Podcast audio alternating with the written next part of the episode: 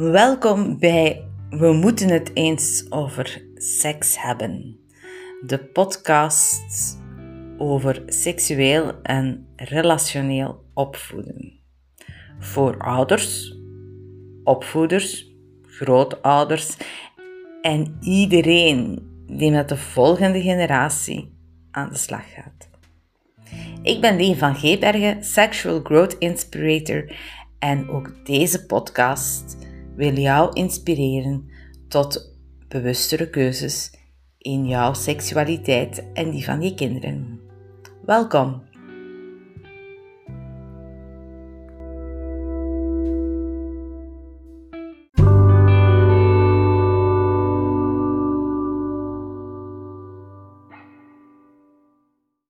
Dit is het tweede deel van de trilogie rond basisvaardigheden in relaties.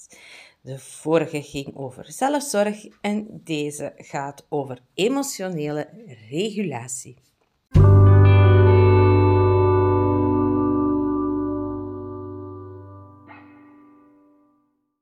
Emotionele regulatie. Wat is dat eigenlijk? Wel, wanneer wij een emotie hebben, dan moeten wij die op een of andere manier reguleren. Want als we die emotie alleen maar laten bestaan en in zijn uh, puurheid en rauwheid naar buiten laten komen, dan zouden we heel vaak brokken maken. Als je boos bent en je reguleert je boosheid niet, ja, dan ga je iemand um, een mot verkopen of, of een vuistslag verkopen. Dus emotionele regulatie gaat eigenlijk over de emotie die je hebt, om die ja, beschaafd, om het zo te zeggen, te uiten, maar er tegelijk ook voor te zorgen dat die niet um, over de top gaat, dat die niet uh, cumuleert, maar dat die langzaamaan weg hebt. En we moeten eigenlijk dan eerst natuurlijk hebben over wat is een emotie. Een emotie is, een, is eigenlijk een reactie van ons lichaam op een interne of een externe prikkel of set van prikkels. Je moet je eigenlijk een, een emotie, ik vergelijk dat wel eens met uh, zo een, een stopcontact, waar om de zoveel tijd zo een geurtje wordt uitgespoten. Zo'n zo'n een parfum-ding in stopcontact. En om de zoveel tijd, bijvoorbeeld als er iemand voorbij komt, hè, de meest gesofisticeerde werken zo, dat als er iemand voorbij komt, dat er dan pst, uh, een parfum de kamer wordt, in, ge, wordt ingespoten. En ja, die geur bepaalt dan de ambiance in de kamer, de sfeer in de kamer. En die geur verdwijnt ook weer. Als je daar niks aan doet, geen aandacht aan geeft en niet voor dat ding gaat staan springen en uh, ja, zal ik het zeggen, uh, staan blijven stimuleren, dan verdwijnt die geur ook na een tijdje. En um, in ons lichaam is het eigenlijk een beetje hetzelfde. Alleen worden er natuurlijk niet altijd hetzelfde geurken. Er zijn een paar andere geuren. Niet heel veel geuren.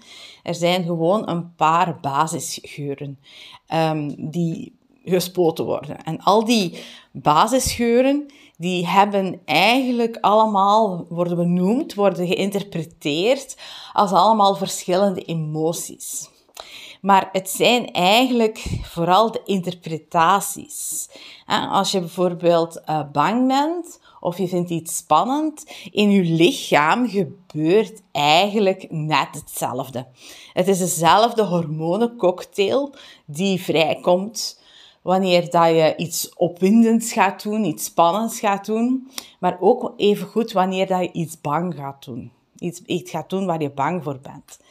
dus dat is eigenlijk dezelfde hormonencocktail die op dat moment in je lichaam, hetzelfde geurtje, hè, dat op dat moment in je lichaam wordt gespoten, dat de kamer in een bepaalde sfeer brengt. Maar het is de betekenis die wij eraan geven in bepaalde situaties, die eigenlijk de verschillende emoties bepaalt. En ja, als je klein bent, baby bent, is dat heel rudimentair. Dat is uh, vaak gewoon elke, ja, elke shot, om het zo te zeggen, um, is nieuw en moet je eigenlijk een beetje leren reguleren. Je moet leren om daarmee om te gaan. En dan is er je mama. Je mama die gaat uh, tijdens je huiluurtje, dat is wat het moment dat voor een, een baby al die emoties, heel die cocktail te veel geworden is, um, dan gaat de mama, de baby, helpen om die emoties te reguleren. En ze doet dat door er mee te wiegen, er een beetje mee rond te lopen, uh, in een draagdoek rond te lopen, op de armen rond te lopen. Um, ja, een beetje te sussen heel vaak. Maar eigenlijk is dat wiegen iets magisch. En dat is eigenlijk uiteindelijk hetgene waar het om draait. Dat we een beetje wiegende bewegingen, zacht, ja, rocking share uh, bewegingen, zo echt de, de, bewegingen van het wiegen, die gaan eigenlijk meehelpen om die emoties te reguleren.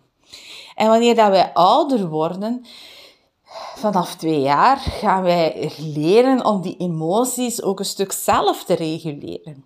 En dat lukt niet altijd zo goed. Denk maar aan de peutertantrums. Dat zijn eigenlijk de eerste pogingen van zo'n peuter om um, ja, die emotie zelf te reguleren. En dat lukt niet van de eerste dag.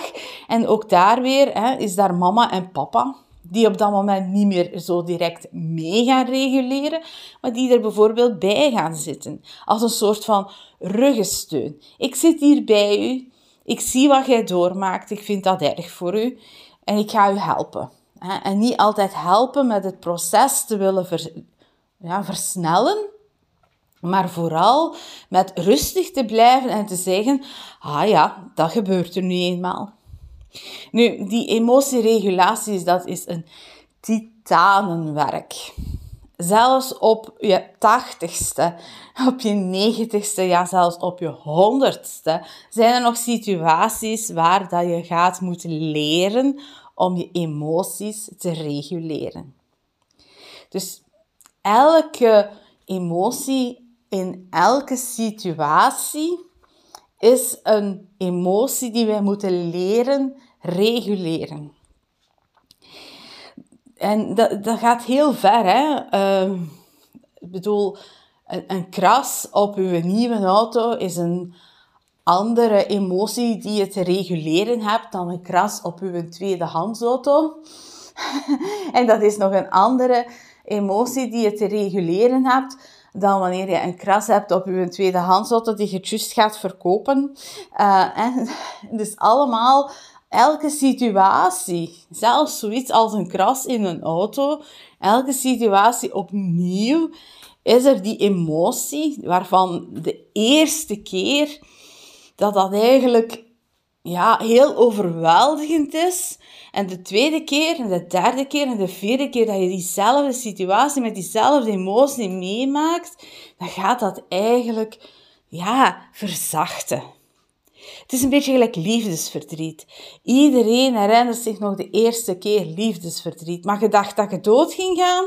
Je dacht dat het, ja, dat gedaan was met u, dat je leven voorbij was. En door aanwezigheid van anderen, doordat er andere mensen op dat moment bij u zijn en u niet alleen laten, doordat er mensen zijn waar je mee kunt praten, mensen die u helpen om die emotie te reguleren, overleefde dat. En wanneer je dan een keer meegemaakt hebt en je hebt dat dus overleefd, de volgende keer zeg je, ja, kijk, dat is hier, gaat hier verschrikkelijk zijn, dat liefdesverdriet. Maar ik heb dat alles gedaan. Ik kan dat. Hetzelfde geldt met rouwen. Rouwen is ook zo een heel grote emotie. Uh, wanneer dat je die de eerste keer meemaakt, wanneer de eerste keer iemand uh, echt moet afgeven, echt verliest, dat is devastating. Dat is zo echt zo uw, ja, alsof dat je letterlijk in tweeën gebliksemd wordt. Dat is verschrikkelijk, dat doet pijn, dat is emotie die eigenlijk zo overweldigend is. Je moet eigenlijk dat een beetje voorstellen met een baby, als die zijn huiluurtje heeft, dat hij dat voelt. Hè. Een ding. Maar het, het is die eerste keer is, is, is, is zo overweldigend. Maar de volgende keer, en dat wil niet zeggen dat je verdriet minder is, maar de volgende keer weet je beter hoe je daarmee moet omgaan. Voor liefdesverdriet ga je al op tijd je een pot crème kopen. Voor uh, rouw ga je al op tijd zorgen dat je je omringd voelt door mensen. Dat je eh, met mensen gaat praten, dat je gaat zorgen dat je niet alleen bent. Je weet al, je hebt al een trucendoos opgebouwd. En die trucendoos, die heb je eigenlijk, bouw je gedurende heel je leven op voor al je emoties in allerlei situaties. En waarom is emotieregulatie zo'n belangrijke vaardigheid in ehm, relaties? En zeker ook in partnerrelaties, maar heel zeker ook in ouder-kindrelaties. Dat is eigenlijk omdat als we onze emoties niet kunnen reguleren, dan maken wij brokken. Dan doen wij en zeggen wij dingen die, die kunnen schaden. En dat gaat van fysiek, ik ben boos en ik, ik begin iedereen rond mij te slaan. Uh, wat je bijvoorbeeld ziet bij partnergeweld. Uh, of kindermishandeling. Uh, of ik ben boos en ik ben gefrustreerd en ik begin gewoon iedereen uit te kafferen. ik begin iedereen emotioneel te chanteren. Ik begin te liegen tegen mensen. Dat zijn allemaal reacties op interne emoties. En als je dat niet goed kan, reguleren, dan maak je heel veel brokken in je relaties. In de relatie met je moeder en je vader heb je wat krediet, omdat je een kind bent en zij je graag zien. En, en ja, daar nog een vorm van onvoorwaardelijkheid in zit. Die, die, die ouders zien hun kinderen graag, no matter what. Maar als jij lief hebt, waar dat jij je emoties niet bij kunt reguleren. En jij slaat die elke keer als je boos bent verrot, ja, die gaan niet lang blijven. En als die lang blijft, dan is dat, dan is dat geen slim, niet zo slim. En ik bedoel, het, het, het, het leren reguleren van emoties is zo belangrijk. Tegelijkertijd wil ik dat ook wel nuanceren. Want het is juist de mensen waar we mee in relatie zijn, die ons helpen om emoties te, reguleren. Uh, als je als ouder je kinderen na school thuis verwelkomt en hen laat vertellen over een dag. Emotieregulatie. Als uw uh, partner thuiskomt en begint af te lopen over de, zijn baas, uh, wat dat hij nu weer allemaal heeft uitgespookt. En oh, emotieregulatie. Wanneer dat je ook positief. Wanneer dat je vertelt van je, dat je iets gezien hebt, een, een, ik zeg nu maar, je hebt een, een, een speciale vogel in de tuin, een zeldzame vogel in de tuin gezien. Het kunnen vertellen als je andere huisgenoten thuiskomen. Zeg, weet je wat hier in de tuin heeft gezeten? Emotieregulatie. Het is, we denken vaak als iets positief is dat we geen brokken kunnen maken, maar heel vaak door juist zo overenthousiast te zijn en, en, en, en het niet kunnen uiten van dat enthousiasme, maken we ergens ook iets vaak in onszelf kapot. Dus het is heel belangrijk om ook positieve emoties mee te delen en in dat delen mee te reguleren. Want we weten allemaal dat als we heel opgewonden zijn over iets, heel enthousiast over iets zijn, ja, dan moet, kun je bijvoorbeeld s'avonds niet slapen. Hè. Dan moet je dat eerst aan iemand kunnen vertellen. Dan moet je dat eerst kunnen aan iemand, aan iemand kwijt kunnen. Zo even van, ah, ook dat, hè, die, die emotieregulatie, die is niet alleen voor grote dingen, dat is voor heel veel kleine dag, dagelijkse momentjes die, die nodig zijn, omdat als je dat niet doet, dan, dan kun je niet verder met je leven. Dat kunnen, als je enthousiast bent over iets, dan moet je dat kunnen vertellen aan iemand. Want als je dat niet doet, en dan, dan cumuleert dat, en dan word je daar eigenlijk zo'n beetje hyper van. En dat houdt je heel vaak tegen om terug naar de orde van de dag te gaan. Om terug te kunnen uw, dagdagelijkse saaie bezigheid op te nemen. Het enthousiasme is vaak ook iets wat ons remt om terug in onze routine te vallen. Dus het is niet alleen het, het negatieve, het boze, het verdrietige, het gefrustreerde dat we moeten reguleren. Ook het positieve. Denk aan de opwinding, de zin in, in, in, in seks opwinding, uh, verliefdheid, ja, je moet dat kunnen kanaliseren. Hè? Je moet dat kunnen uh, reguleren om eigenlijk, want anders kun je niet slapen. en dus als je verliefd bent en je kunt dat niet kwijt, die verliefdheid, ja, dan, dan kun je niet slapen, dan kun je niet functioneren, dan loopt je met je hoofd voortdurend in de wolken. Hè? Dus dat reguleren, dat is iets wat dat we doen in, voor onszelf, maar we doen dat ook vooral in samen en interactie met de anderen rondom ons. En dat is ook leren. Leren om de anderen te helpen reguleren. Als uw partner thuiskomt met een verhaal over zijn baas, omdat het grommelen is, weten hoe dat je moet luisteren. Weten, uw trucendoos uithalen en weten wat dat je moet doen om te zorgen dat uw partner ergens dat kan reguleren, dat kan loslaten, zodat je ook samen die een avond rustig bent en niet, dat die niet de hele tijd daarover bezig blijft. Het, het, het, het, ja, de regulatie. Nu, wat is eigenlijk, hoe, hoe ziet dat eruit, reguleren? Want dat zijn verschillende stappen. Je bij zelfzorg heb ik ook zo'n paar stappen gezet. Maar zijn eigenlijk een beetje gelijklopend. We voelen iets, we hebben een emotie, we gaan die benoemen. En het is heel moeilijk om een emotie te benoemen. Een kind, van het moment dat dat taal krijgt, het eerste wat, hoe die zijn emoties gaat benoemen, is met buikpijn en hoofdpijn omdat hij alleen maar die organen kent. Hij voelt iets in zijn buik, hij voelt iets in zijn hoofd. En hij zegt dat hij buikpijn of hoofdpijn heeft. En het is aan de ouders om daar een taal aan te geven. Ouders gaan dat benoemen. Die gaan zeggen, je bent een beetje bang of je vindt het een beetje spannend. Het is altijd beter om tegen je kinderen te zeggen, het is een beetje spannend, hè, dan te zeggen, je moet niet bang zijn. Want dat is de betekenis. Als je als ouder benoemt wat de emotie is, geef je aan dat kind betekenis.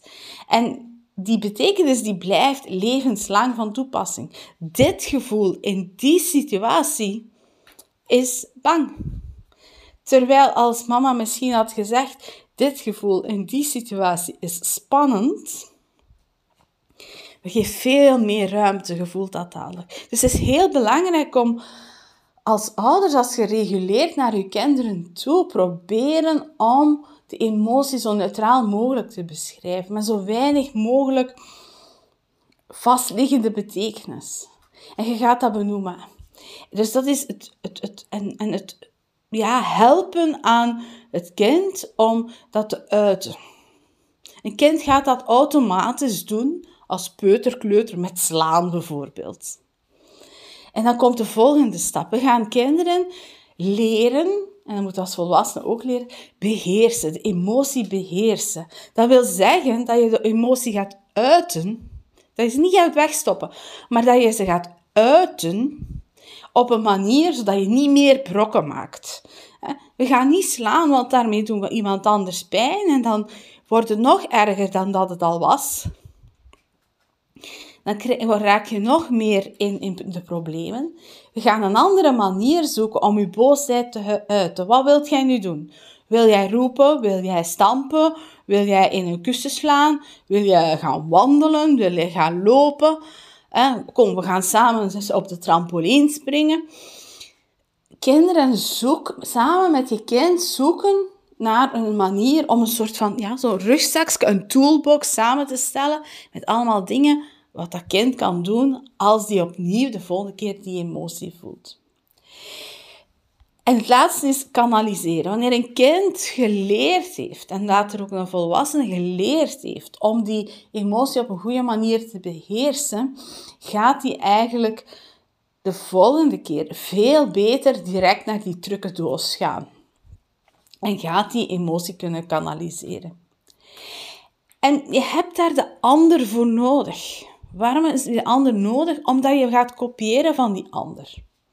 Als je ziet dat je mama boos is en dat die dan, ik zeg maar, in bad gaat liggen, of dat die dan uh, in het bos gaat wandelen, of uh, in de tuin onkruid gaat wieden, dat, dat is dat iets wat dat je zegt van, ha, Mama, die, als die boos was, die ging altijd onkruid wieden. Ik ga dat ook eens proberen. Misschien helpt mij dat ook.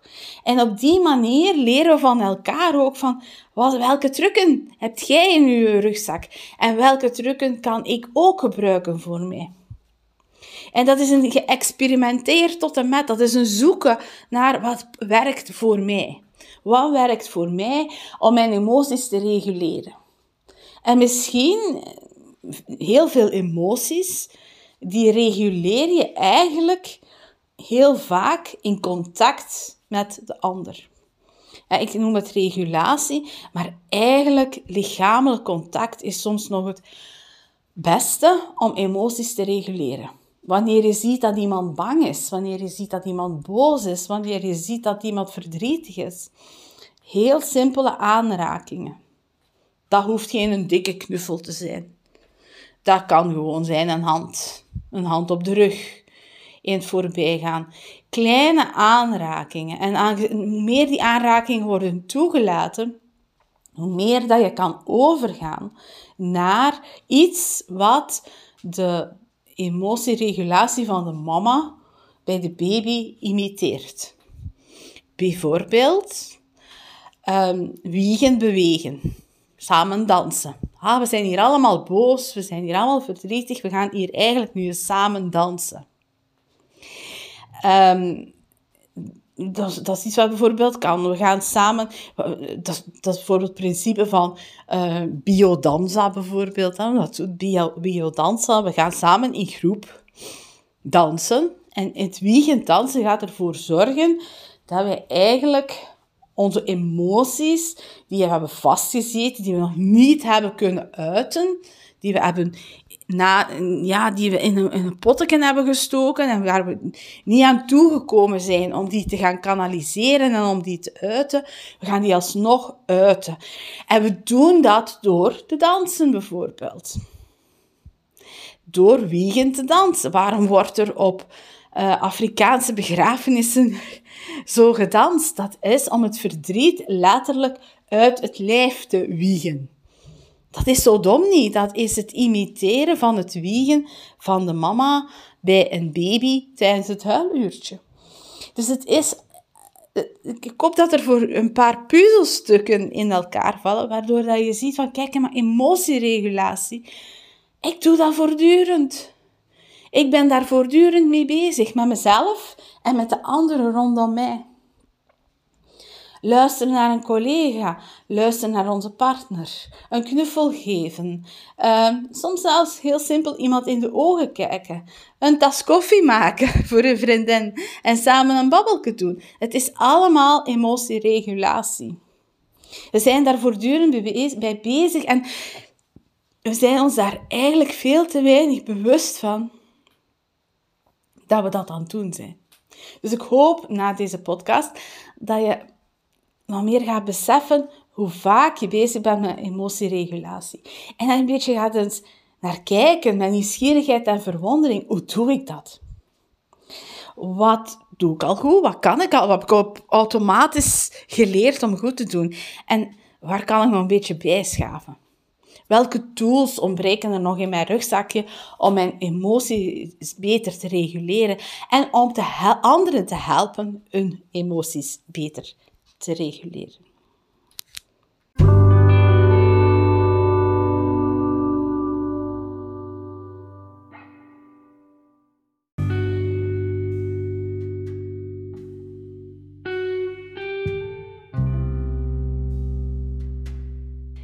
Dit was weer een aflevering van de podcast We moeten het eens over seks hebben. Een podcast over seksueel en relationeel opvoeden, naar aanleiding van het derde boek van Leen van Geebergen, Sexual Growth Inspirator.